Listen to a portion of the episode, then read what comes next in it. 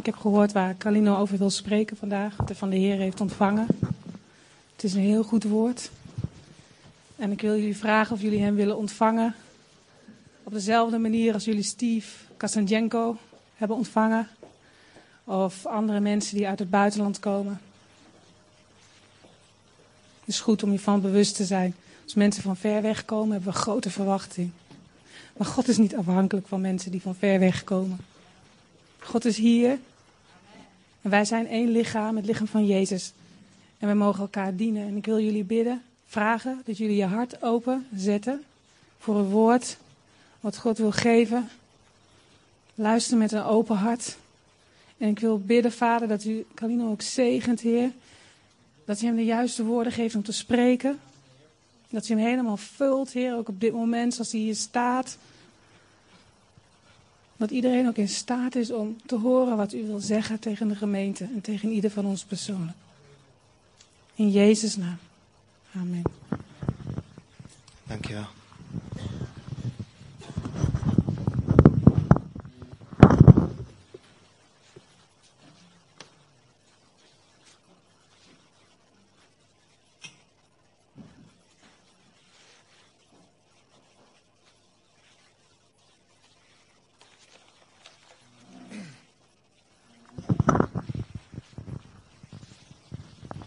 Ik wil graag eerst bidden voordat ik begin.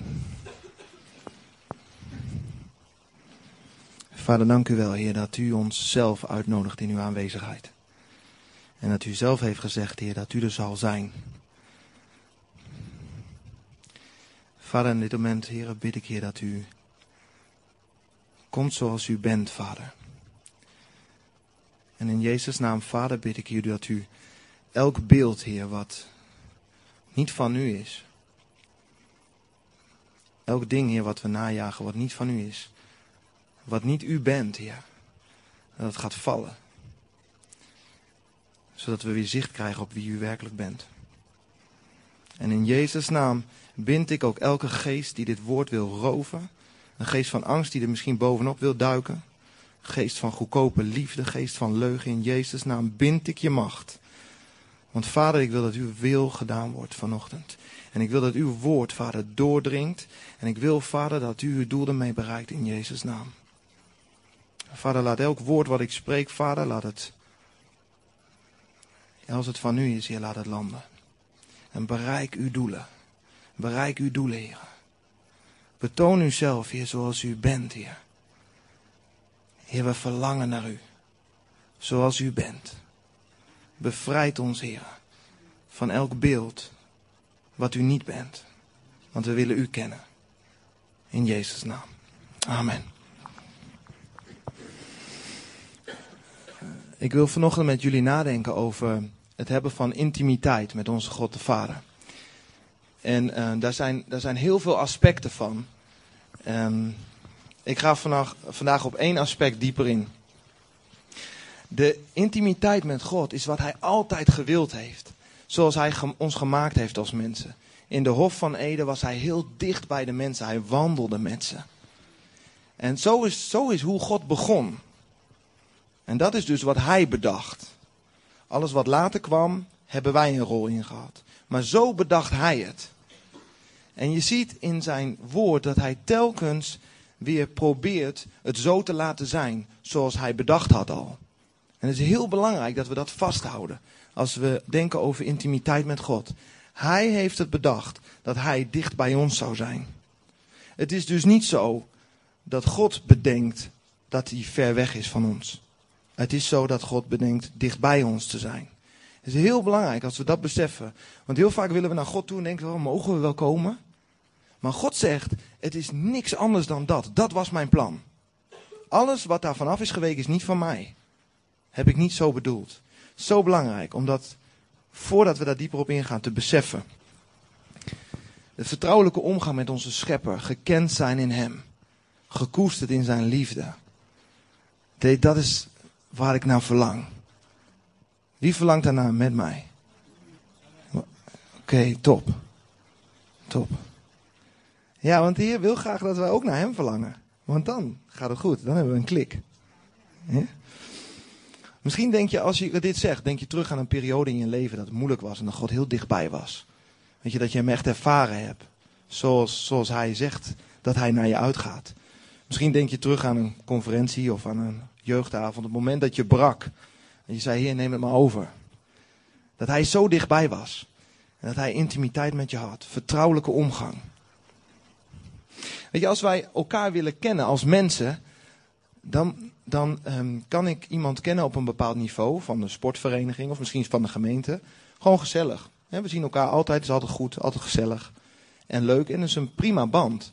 Maar als ik echt intimiteit met iemand wil hebben, dat wordt vaak gemaakt op de momenten dat je ook ziet dat iemand wat minder mooi is. En dat je hem nog steeds van hem houdt. En als iemand breekt en helemaal stuk zit en bij je uithaalt en durft zwak te zijn bij je, dan merk je dat er een diepere band ontstaat. Omdat je iets gedeeld hebt samen, iets waardevols, iets waar je, wat je niet tegen iedereen vertelt. Iets, een moment van zwakte wat je liever niet laat zien aan iedereen. Dat is waar intimiteit tot stand komt, denk ik. Als we kijken naar intimiteit met God, daar ga ik heel kort op in, is er een plek van afzondering nodig, er is tijd nodig en er is honger nodig. Je besluit om naar een plek te gaan om God te ontmoeten. Je besluit tijd op apart te zetten, want zonder tijd heb je niet de rust om te ontmoeten. En er is honger, een wil. En in Exodus 33 staat er hoe God dat, hoe Mozes dat leidde eigenlijk in het volk. Vers 7. En Mozes zette de heilige tent, de tent der samenkomst zoals hij die noemde, ver buiten het kamp op. Dus dat is de eerste les al. Wat is het kamp? Het kamp is waar je verantwoordelijkheden hebt. Het kamp is waar je omstandigheden op je afkomen, waar mensen op je afkomen, waar dingen van je gevraagd worden. Dat is het kamp. Maar hij zet dus buiten de lege plaats, buiten het kamp zet hij op. Een plek apart voor God. Zodat niks je zou afleiden, zodat je alleen voor hem er was. Bijbel wordt ook wel gesproken over een binnenkamer. Een plek die ook afgezonderd is, op slot is. Het is belangrijk dat wij dat um, praktisch maken. Want het is iets waar God iets mee wil zeggen. En ieder die de Heere raad wilde vragen, ging naar de tent. Wanneer Mozes naar de tent der samenkomst ging en door het kamp liep, gingen alle Israëlieten voor hun tent staan en keken hem na tot hij in de tent verdween. Zodra Mozes binnen was, kwam de wolk naar beneden en bleef voor de ingang staan. Dan sprak de Heere met Mozes. Wauw! Als het volk de wolk bij de ingang van de tent zat staan, knielde iedereen neer, ieder voor zijn eigen tent. En in de tent sprak de Heer heel vertrouwelijk met Mozes, zoals vrienden dat doen. Na het gesprek keerde Mozes altijd terug naar het kamp, maar de jonge man die hem assisteerde, Jozua, de zoon van Nun, bleef in de tent achter. Dit is wat we verlangen, de vertrouwelijke omgang met de Heer. Jij die deelt je verlangens en je, je moeite. En de Heere die spreekt jouw geloof en moed in. En zegt, hé, hey, ik hou van je. Ik zag je al. Dat is waar, ik, waar mijn hart naar uitgaat. Om zo, als ik God ontmoet, als ik naar God op zoek ben, als ik tijd apart zet om zo met God te spreken. En die Jozua, prachtig hè, die Jozua bleef in de tent achter, die kon er geen genoeg van krijgen. Van de tegenwoordigheid van God. En we zien later dat het een van de nederigste leiders was, die opdurfde te staan uit de verspieders, die bijna gestenigd werd voor zijn woord, maar de leider werd, de opvolger, want hij verkoos de tegenwoordigheid van God. Ik had het net over onze verhouding naar mensen, maar onze verhouding naar God is anders. Er zijn wel parallellen te trekken over intimiteit, maar onze verhouding naar God is anders. En daar wil ik vanochtend met jullie over nadenken. Als je God kent als een vader en als een vriend en als een liefdevol en genadig God, hou dat vast, want dat is Hij. Hij is niets anders dan dat. Vanochtend wil ik het met jullie hebben over eerbied en ontzag voor God. En het is niet iets wat in de plaats komt voor zijn liefde, zijn vriendschap en zijn vaderschap en zijn genade. Het is iets, als je daar iets van beseft wie hij is en ontzag voor hem hebt, kun je pas echt begrijpen wat zijn vaderschap is. En wat zijn liefde en genade is. Dus het komt niet in de plaats. Het maakt het rijker Net als Jezus de wet niet aan de kant schoof, maar vervulde. Klinkt misschien een beetje cryptisch, maar ik denk door de preek heen dat je zult zien wat ik bedoel. Zoals ik zei, onze verhouding naar God is niet zoals die naar mensen. En als wij de Heere God intiem willen kennen, dan kunnen we hem ook niet kennen zoals wij mensen kennen. We moeten hem kennen zoals hij is. Immers, als je hem niet kent zoals hij is, ken je hem niet. Heb je geen intimiteit met hem. Dus je moet eerst iets begrijpen van wie God is, anders kun je hem niet eens kennen. Je moet dus iets begrijpen van hoe hij naar ons kijkt. En op een juiste manier naar hem kijken, wil je in de juiste relatie staan om hem echt te kennen van hart tot hart. Hele belangrijke tekst daarin. En als je aantekeningen maakt, schrijf deze zeker op. Ik heb overigens de aantekeningen weer voor ieder die wil hoor. Achteraf. Het is jammer als je een woord mist tijdens het schrijven. Psalm 25, vers 14. Ja, zoek het maar even op, want dit is echt een hele belangrijke.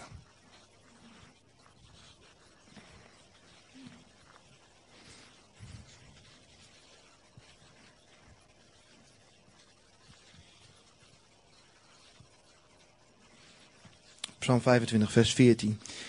De vriendschap met God is uitsluitend voor hen die hem eerbied bewijzen. Alleen zij zullen de geheimen verborgen in zijn belofte leren kennen. In de MBG staat het zo: Des Heren vertrouwelijke omgang is met wie hem vrezen, met wie omzag voor hem hebben. En zijn verbond maakt hij aan hun bekend. Je kunt dit dus ook omdraaien. Hè? Moet je niet te vaak doen. Maar God zegt dat zijn vriendschap is voor degene die hem eerbied bewijzen. En uitsluitend voor hen, zegt God hier. Dus als je God probeert te kennen, zonder dat je ontzag voor hem hebt, gaat niet lukken. Gaat niet lukken. Ik wil met een aantal naar een aantal schriftgedeelten met jullie. Ik zal ze je mag opzoeken, maar dan moet je wel redelijk snel zijn, want ik heb er een aantal. En wil ik je laten zien hoe God zich liet zien aan het volk. En wat daar gebeurde. Ik begin in Exodus 19, vers 18 tot en met 22. En dat is waar eigenlijk de Heer zichzelf laat zien aan het volk. En waar hij zijn wet gaat geven. Het is belangrijk dat je weet dat de wet is voor God een middel om um, zijn intimiteit met het volk te herstellen. Namelijk, als zijn volk zijn wet zou houden, zou hij hen kunnen zegenen. Zou, zou de oude situatie waar God begon, waar hij, waar hij de mens schiep, dicht bij hem, zou hersteld kunnen zijn als de wet gehouden werd. Want dat is hem wel gevallig. Hij zou intiem kunnen zijn met hen. En daarom manifesteert hij zich zo. Vers 18. De hele berg Sinaï was omgeven met rook, omdat de Heere met vuur neerdaalde. De rook steeg omhoog als uit een oven en de berg trilde ervan. Het bazuingeschal werd luider en luider. En Mozes sprak met God. En God antwoordde hem in de donder. Toen daalde de Heere neer op de berg. En hij riep Mozes naar de top van de berg en Mozes klom omhoog. Maar de Heere zei tegen hem, ga weer naar beneden en waarschuw het volk dat niemand mag proberen een glimp van mij op te vangen. Want anders zullen velen sterven.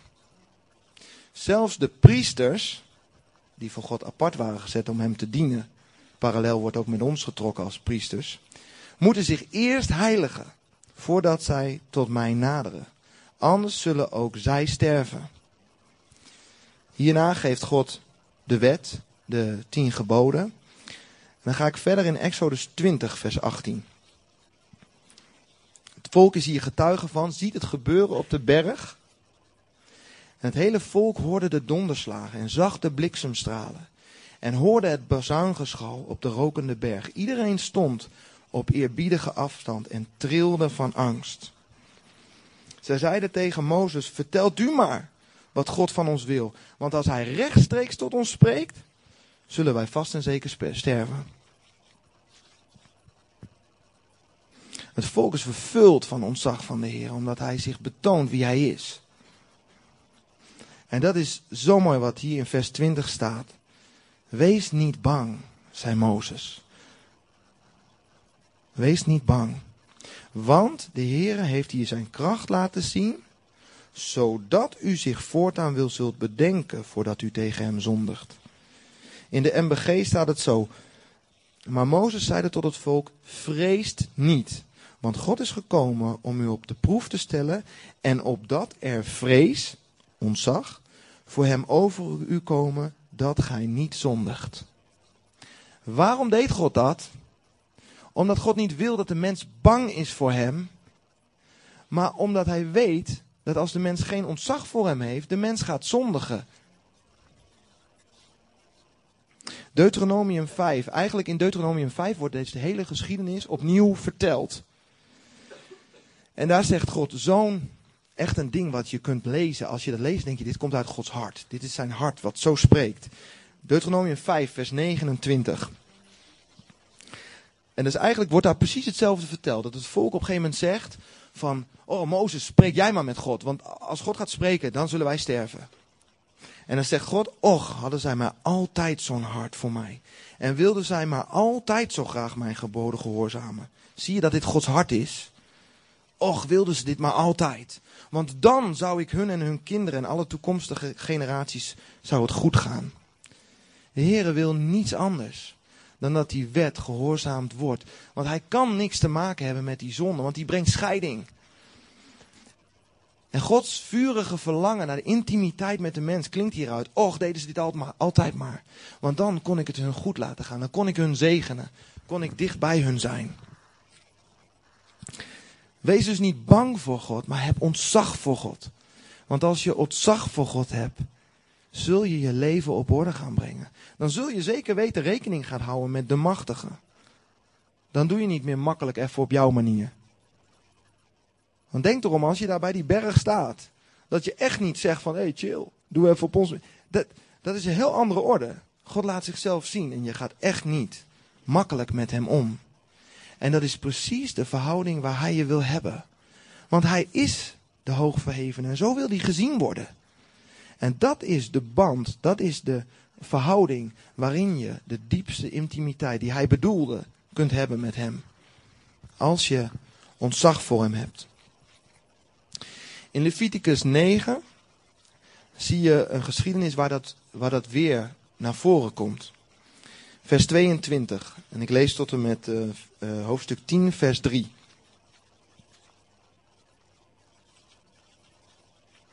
Toen zegende Aaron het volk met wijd gespreide handen en kwam van het altaar naar beneden.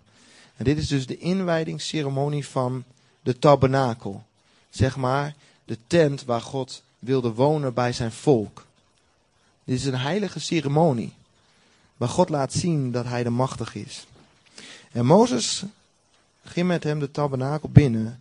En toen zij weer naar buiten kwamen, zegende hij het volk. En de heerlijkheid van de Heere verscheen aan alle aanwezigen. Als we ochtends bidden voor de dienst en vragen, oh Heer, wilt u komen met uw heerlijkheid? Wilt u komen zoals u bent, want we willen u kennen. Daarom zijn we bij elkaar, of niet? We willen God kennen zoals Hij is.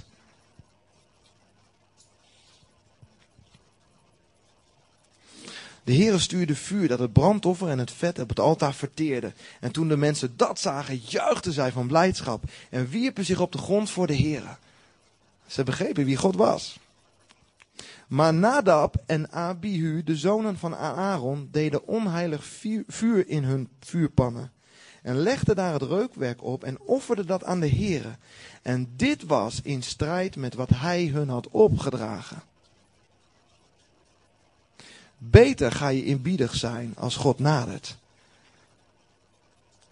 Want hij is God.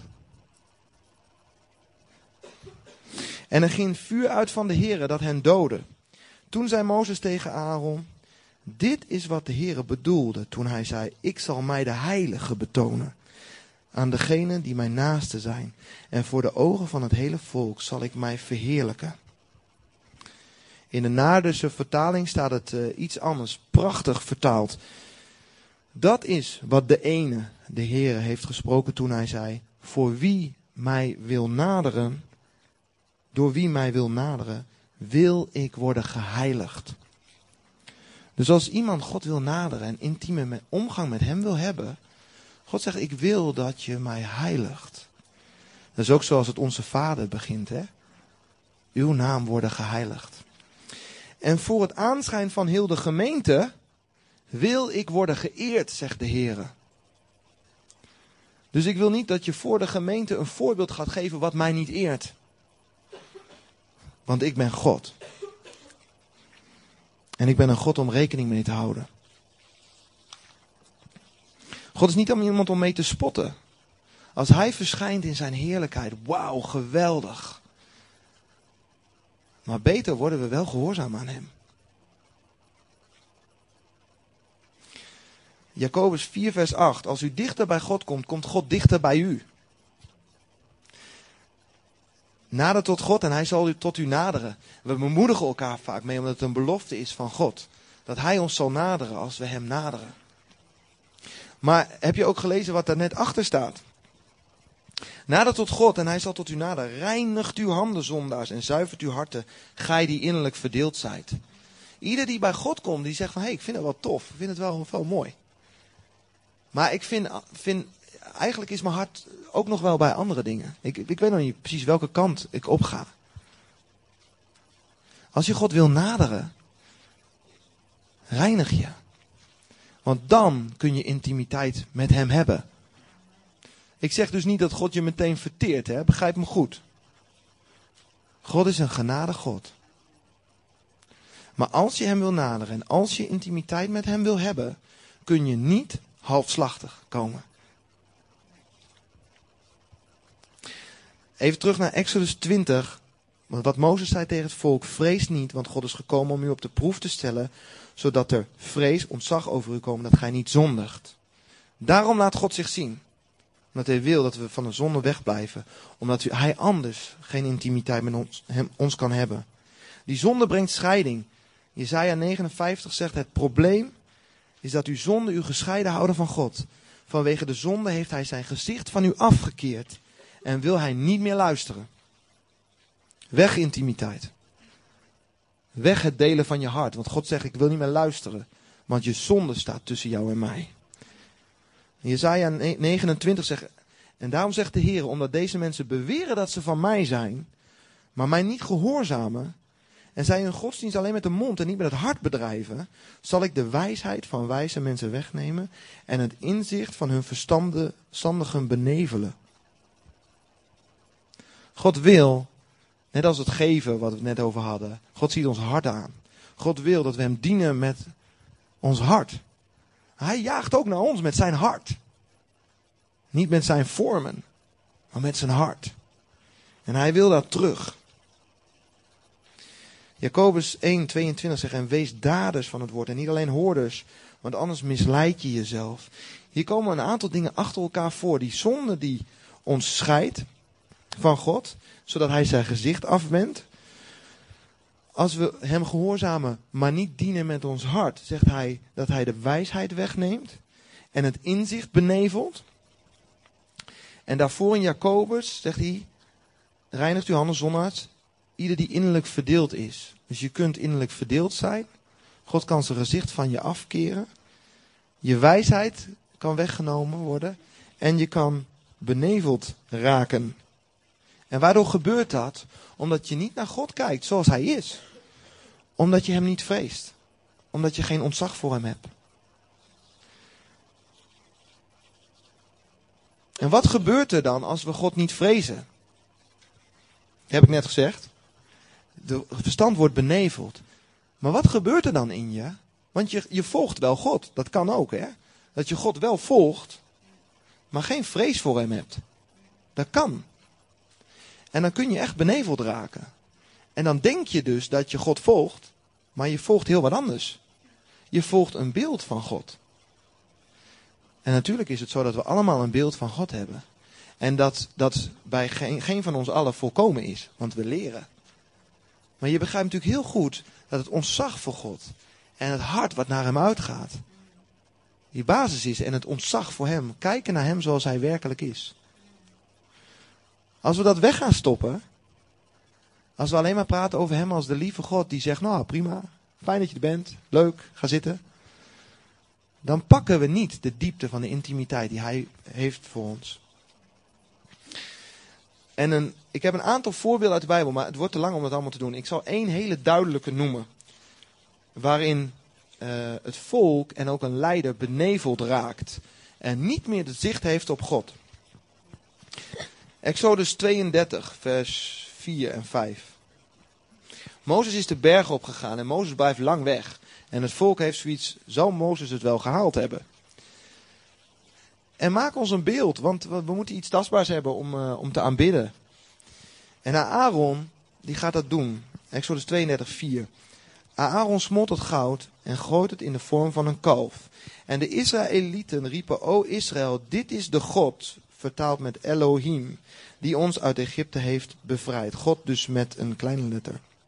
Elohim kan betekenen God, maar ook afgod. Toen Aaron zag hoe blij de mensen met hun God Elohim waren, bouwde hij een altaar voor het kalf en kondigde aan, morgen vieren wij een groot feest voor de Heere, Yahweh. Mozes had daar geen ontzag voor God. Want zijn gedachten waren, of sorry, Aaron, dankjewel. Mozes was degene die zeker ontzag voor God had. Aaron had geen ontzag voor God. En zijn verstand werd beneveld. Want hij dacht dat hij een afgod kon maken en een feest ter ere van de Heer kon vieren. En wij denken dan soms wel eens, hé, hey, domme Aaron, dat is zeg dom zeg. Je hebt zoveel gezien van God. En nog doe je zo. Maar als ik nou eens heel eerlijk naar mijn eigen leven kijk, hè, dan denk ik dat dat er best wel dingen aan te wijzen zijn. Waarbij ik een beeld van God volgde wat eigenlijk niet God was. Waarvan ik dacht dat het God was.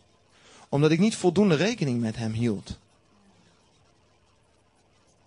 Soms denk je dat je er wel mee wegkomt. Dat je wel iets kunt skippen. Maar God is een verterend vuur. En dat is hetzelfde wat in het Nieuwe Testament staat er nog steeds hoor. Hebreeën 12, God is een verterend vuur. God is dezelfde.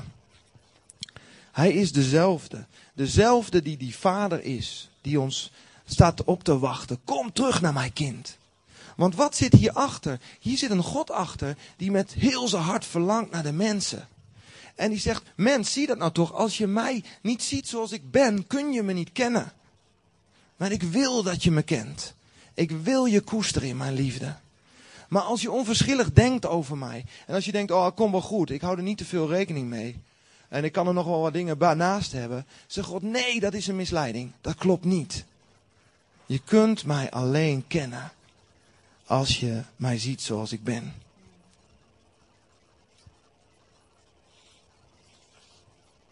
Welk beeld van God heb jij? Is het nog steeds de machtige als toen hij je aanraakte of toen, hij, toen je in zijn tegenwoordigheid was, misschien een moment? Of zijn er langzaam dingen ingekomen die iets minder rekening houden met hem? En het is niet alleen voor mensen die kort tot geloof komen hoor. Het is ook voor leiders. Want die kunnen ook zo druk zijn met dingen die ze doen. Dat ze vergeten dat God de Almachtige is. Weet je, als je, als je een verkeerde blik op hem hebt, dan kun je hem niet meer kennen in intimiteit. Maar dan kun je ook veel minder vertrouwen. Want als je weet wie hij is, dan denk je, oh vader, ik geef het aan u. Want u bent de machtige. Als dat afgezwakt is en God is niet zo meer de machtige in je leven, wat zou je hem dan toevertrouwen? Wat zou je hem dan vertrouwen? Wat zou je dan durven een gok te nemen? Als hij zegt ga. Maar als je hem kent en eerbied en ontzag voor hem hebt, dan kun je hem kennen zoals hij werkelijk is. En dan zegt hij, hey, ik, ik, we vrezen des Heren, daar staan zoveel beloftes over in. Hey, dat is de wijsheid. Dat verlengt de dagen. Vanochtend werd nog genoemd in het gebed. God geeft barmhartigheid aan degene die hem vrezen. Maar dat klopt ook, want dan ken je hem zoals hij is. En dan kan hij je leiden zoals hij is. En dan volg jij zoals je in, in verhouding staat tot hem. Graag volg je hem dan. O Heer, wat u zegt is goed, want u bent de machtige. Des Heren vertrouwelijke omgang is met wie hem vrezen. Psalm 25. En zijn verbond maakt hij aan hun bekend. En wat is dat verbond? Johannes 3, vers 16. Want God heeft zoveel liefde voor de wereld dat hij zijn enige zoon heeft gegeven, zodat ieder die in hem gelooft niet verloren gaat, maar eeuwig leven heeft. Dat is zijn verbond. Het verbond dat hij de mensen weer terughaalde naar, naar hemzelf toe. En degene die hem vreest, degene die ziet wie God werkelijk is, die gaat dat snappen. Die gaat zo dankbaar zijn dat God, de hoogverhevene, de machtige, het verterende vuur, zoveel liefde voor ons heeft dat hij zijn zoon geeft. Als je die grootheid van God pakt, pak je ook zijn cadeau. En zijn genade en zijn vriendschap en zijn vader zijn krijgt in één keer een hele andere waarde als je weet wie hij is.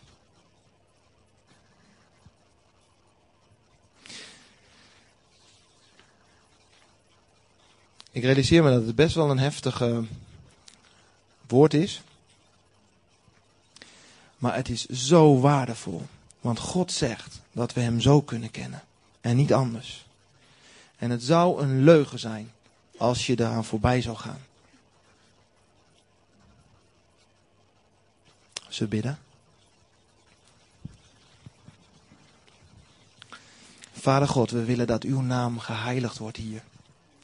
En we willen, Heer, dat uw naam geheiligd wordt in ons leven. Heer, want u bent de machtige, u bent de enige God.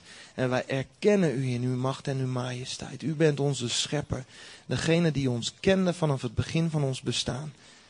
Dank u, Heer Jezus, dank u, Vader, dat u ons najaagt met uw hart vol van liefde, met uw hart wat brandt voor ons, Heer. O Heer, wij willen u eerbied bewijzen. En wij willen u eren voor wie u bent, Heer. Wij beseffen, Heer, dat we in een verhouding staan, Heer, naar u. Dat u de maker bent en wij het schepsel. U mag doen, Heer, wat u wil, want we zijn van u. Heer, we willen u kennen zoals u werkelijk bent. Heer, als we zo voor u, voor u komen, Heer, dan wil u vragen, Heer, wilt u komen met uw heerlijkheid? En laat het zijn, Heer, dat u harten vindt, Heer, die naar u uitgaan. En harten die u op waarde schatten, zoals u werkelijk bent. Want we verlangen naar u. En we verlangen, Heer, dat u onze levens leidt zoals u plannen heeft. Want bij u is het goed. Ik prijs uw naam. Amen. Tanja, wil je misschien vast naar voren komen?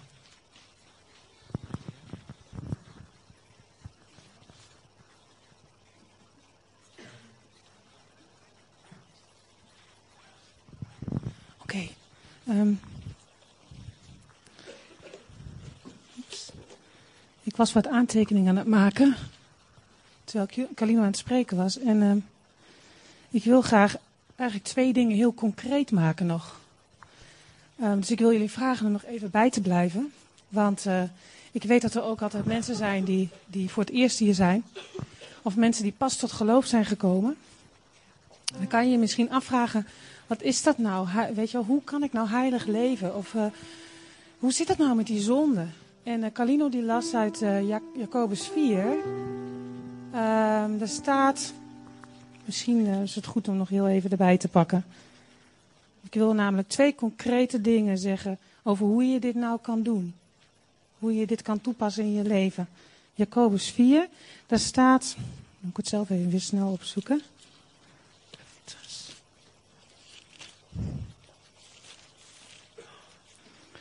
Ehm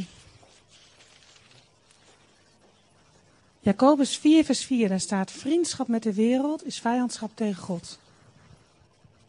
Oké? Dus als je nou net tot geloof gekomen bent en je hoort deze boodschap van dat God vraagt, als je een relatie met Hem wil hebben, dat je heilig moet zijn en dat je je moet reinigen. Zo, is, zo was dat in het Oude Testament en zo is dat nu nog steeds. Denk je, hoe kan ik dat nou doen? Weet je wel, ik, ik, uh, ik weet dat niet. Hoe doe ik dat? Nou, weet je wat het eerste antwoord is? Heel concreet. Als je pas tot geloof bent gekomen. Oeps, die van mij die zit in een mooie kaft, sinds kort. Dit boek, de Bijbel, het woord van God. Daar staat alles in wat je moet weten over Hem. Daar staat alles in waardoor je kan weten wat zonde eigenlijk is. Of als je vragen hebt van ja, hoe, eh, wat moet ik nou, eh, hoe zit het nou met samenwonen? Weet je wel, hoe zit dat nou met, uh, met, met uitgaan? Of hoe zit het nou met zwart geld verdienen? Dat je daarover twijfelt. En ja, gewoon concrete dingen waar je tegenaan loopt. Dan is de kennis van Gods woord. Kan je beschermen. Want als je niet de kennis hebt van Gods woord, dan weet je niet wat zonde is. Dan weet je niet hoe je heilig kunt leven. Maar er is nog één ding. Want dan kun je zeggen, ja oké, ik weet het nu wel. Ik, ik weet het wel. Ik, heb, ik doe bijbelstudie. Ik, heb, uh, ik zit in een, een 12. Ik leer die dingen, maar het lukt mij niet. Ik krijg het niet voor elkaar om heilig te leven. En als ik dan een boodschap hoor over het oude, in het, uit het Oude Testament waarin staat dat God ook is als een verterend vuur. Iedere keer als ik dat hoor, dat ik, dat ik gewoon verteerd word, dat ik me gewoon verteerd voel van binnen. Weet je wel, veroordeeld. Maar weet je wat er staat, heeft Kalino ook voorgelezen, 1 Petrus 1. Daar staat, en dat zoek ik ook nog even op. Zoek het maar even op. Ik vind het echt belangrijk dat je het leest. Want dit is, de, dit is de tweede oplossing. Het is de grootste oplossing. 1 Petrus 1, vers 17.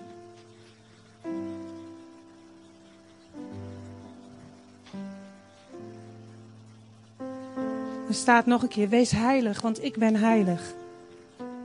En indien gij hem, God, als vader aanroept, die zonder aanzien des persoons naar ieders werk oordeelt, wandel dan in vrezen de tijd van uw vreemdelingschap. Weten dat gij niet met vergankelijke dingen, zilver of goud, bent vrijgekocht van uw ijdele wandel, die u van de vaderen overgeleverd is, maar met het kostbare bloed van Christus, als van een onberispelijk en vlekkeloos lam. Weet je, we allemaal komen we, bijna allemaal, komen we uit een ander leven. Zijn we opgevoed door ouders, zijn we naar school geweest, hebben we in de wereld geleefd. En we hebben overleveringen gehad. Weet je wel, hoe je bent opgevoed, wat je, wat je, wat je tradities zijn. Ook als je in de kerk bent opgegroeid, je kan tradities hebben, overleveringen. En dan kom je er ineens achter dat het woord van God iets heel anders laat zien. En dan moet je dat veranderen in je leven. En dan kan je iedere keer, als je zo'n boodschap hoort van heilige leven, het gevoel hebben: oh, heb ik het weer niet goed gedaan? Weet je wel? Oh, ik kan dus niet een intieme relatie met God hebben, want ik leef niet heilig. Ik heb geen vrees voor God. Dat kan.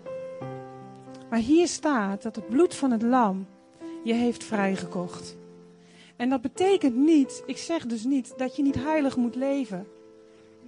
Het is juist dat je hierdoor, door dit te beseffen, meer ontzag en vrees voor God krijgt. En dat betekent dat als je een intieme relatie met God wil hebben. En als je niet ellende in je leven wil meemaken, zoals Aaron en het volk Israël kregen toen ze dat gouden kalf hadden gemaakt. Want de gevolgen waren vreselijk. Bracht heel veel ellende over het volk. Dat wil God niet voor ons. Het betekent als je, dat, als je beseft, hé, ik kan dit niet of ik worstel met dingen. Dat je weet dat het bloed van Jezus, dat Hij jou daarvan heeft schoongewassen. En het betekent dat het bloed van Jezus, Gods kracht in jouw leven, heeft vrijgezet. Gods Heilige Geest, omdat Jezus voor jou is gestorven, leeft in jou. En door dat besef en dat ontzag, wat we ook gezongen hebben voordat de preek begon, dat ontzag, omdat we weten wat Jezus voor ons heeft gedaan, dat zet je aan tot een heilig leven en een vrees voor God, waardoor je wilt breken met je oude leven, waardoor je wilt breken met zondige patronen in je leven. Dat brengt vrees voor God. Oké? Dus laat niemand naar huis gaan vandaag met het idee, oh, kan het toch niet heilig leven met God. Intieme relatie met God is voor mij dus niet weggelegd, want ik ben er nog lang niet. Het is je ontzag en vrees voor wat Jezus heeft gedaan voor jou. Wat je in staat maakt om een heilig leven te leiden. En dus een intieme relatie, een intieme wandel met God te hebben.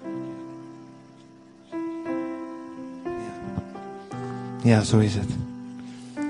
God die in zijn liefde ons najaagt en ons daar wil hebben. En ehm, we vragen mensen die misschien eh, voor het zijn of voor het zeggen van ja, die God, die, daar moet ik schoon schip mee maken. Die wil ik kennen. Wil je zo vragen, wil je naar voren komen?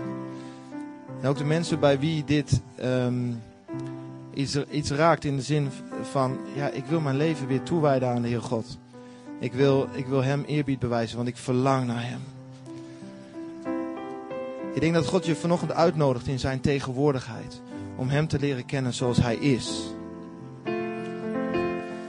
En ook het moment om, als je, bij, als je bij jezelf tijdens dit woord hebt gezien dat er misschien beelden zijn gekomen die niet helemaal God zijn. Dat je die mag neerleggen. En die mag achterlaten en mag overgeven aan Hem. Om weer zicht te krijgen op Hem. Want dan kunnen we Hem kennen zoals Hij wil. Wil je uitnodigen om naar voren te gaan? De muziek speelt gewoon door. Er zijn mensen om, om met je te bidden, om met je te praten. Dit is tijd om uh, zaken te doen met God. Om Hem te naderen zoals Hij wil dat je Hem nadert.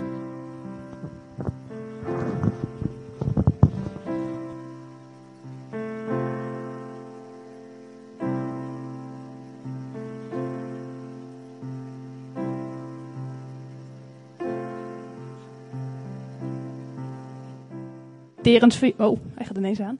Dat God is als een verterend vuur. Maar midden in dat vuur staat Jezus. En hij houdt ons in zijn armen. Dus als we in hem geloven, als we bij hem zijn in zijn armen, zijn we veilig. En dan kunnen dat verterende vuur en die liefde van God naast elkaar bestaan. Dan zijn we midden in het verterende vuur, maar we zijn juist helemaal geliefd. Dus dat wil ik nog zeggen.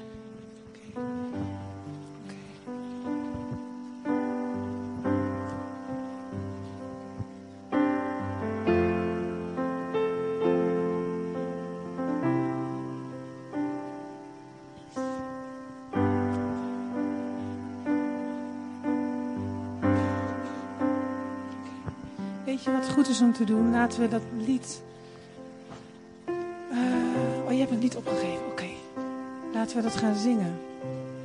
En laten we gewoon uh, in ons eigen hart kijken. En als je denkt, het is goed voor mij om naar voren te gaan, dan kom je gewoon naar voren. Kunnen we voor je bidden.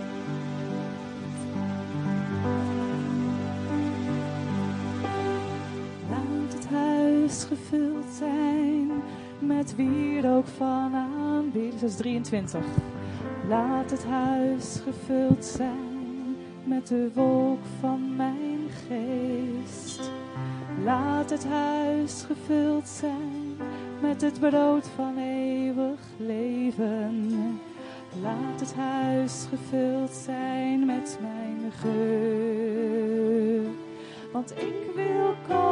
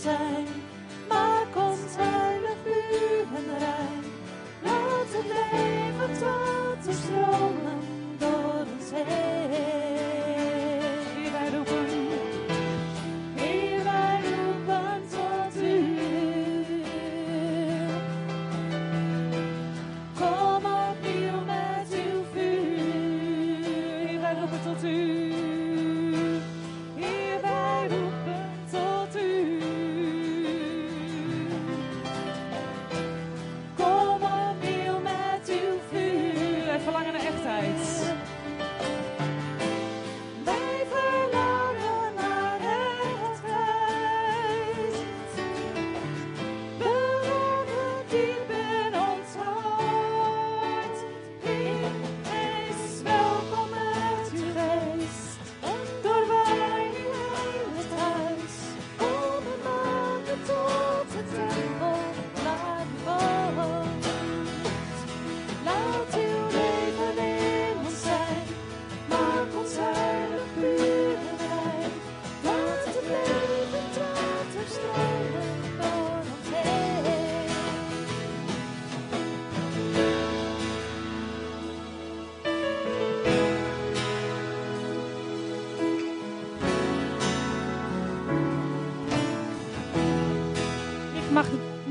Harder. Als je verlangt naar een intieme relatie met God, als je ernaar verlangt dat dat groter en groter wordt, als je bij jezelf onderkent dat je ja, geen ontzag hebt voor God, kom dan naar voren. Kom. Kunnen we voor je bidden?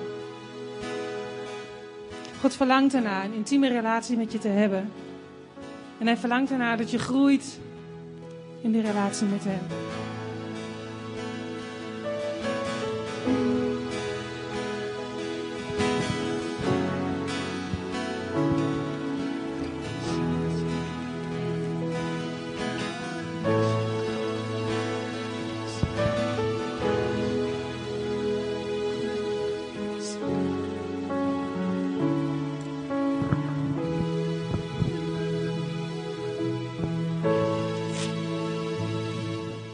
Als je nog nooit je leven aan Jezus hebt gegeven.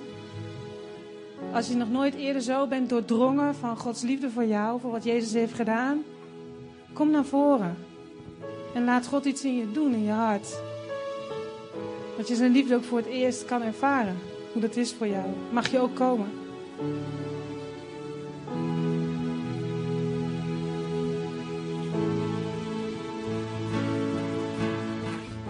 Als je je altijd zo onder een oordeel voelt.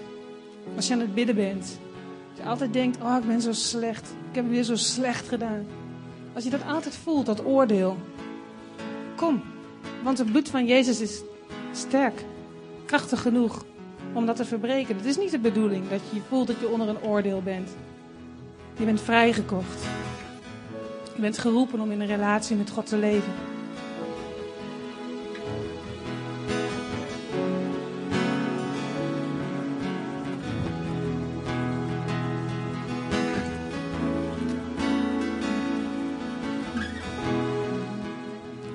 Vragen of gebedsteam wil komen.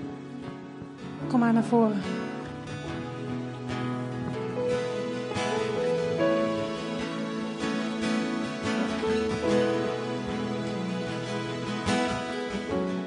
We danken u, Vader. We danken u, Heilige Geest, voor harten die zijn aangeraakt vanmor- vanmorgen.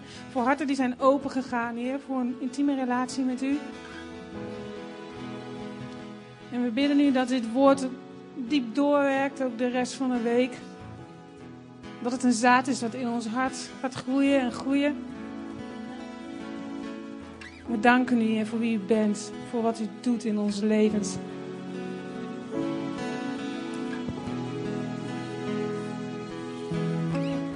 Dank u wel, Heer. Ik wil jullie ook allemaal zegenen voor de komende week. In de naam van de Vader en van de Zoon en van de Heilige Geest. Ik bid dat hij met jullie meegaat. Overal waar jullie bezig zijn, ook in zijn koninkrijk. Waar jullie bezig zijn in de wereld, in je eigen huis, in je eigen gezin. Ik bid dat jullie verder groeien, dat we allemaal verder groeien.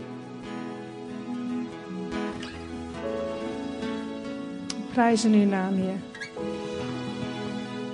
Ik wil vragen of het muziekteam nog een poosje doorspeelt. Tegen de hele gemeente wil ik zeggen dat er koffie is. Ik weet dat er nog een mededeling is over de gezamenlijke kerstviering. En ik wil vragen of Tanja dat in, aan een, in een mail voor de hele gemeente wil zetten. Volgende week wel. Goed. Oké. Wel thuis allemaal. En de rest die naar voren wil komen, kom. We gaan bidden.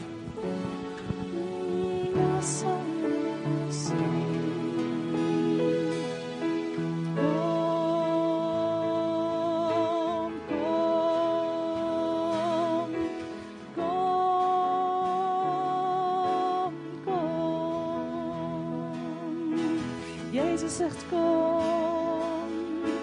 Jezus zegt kom.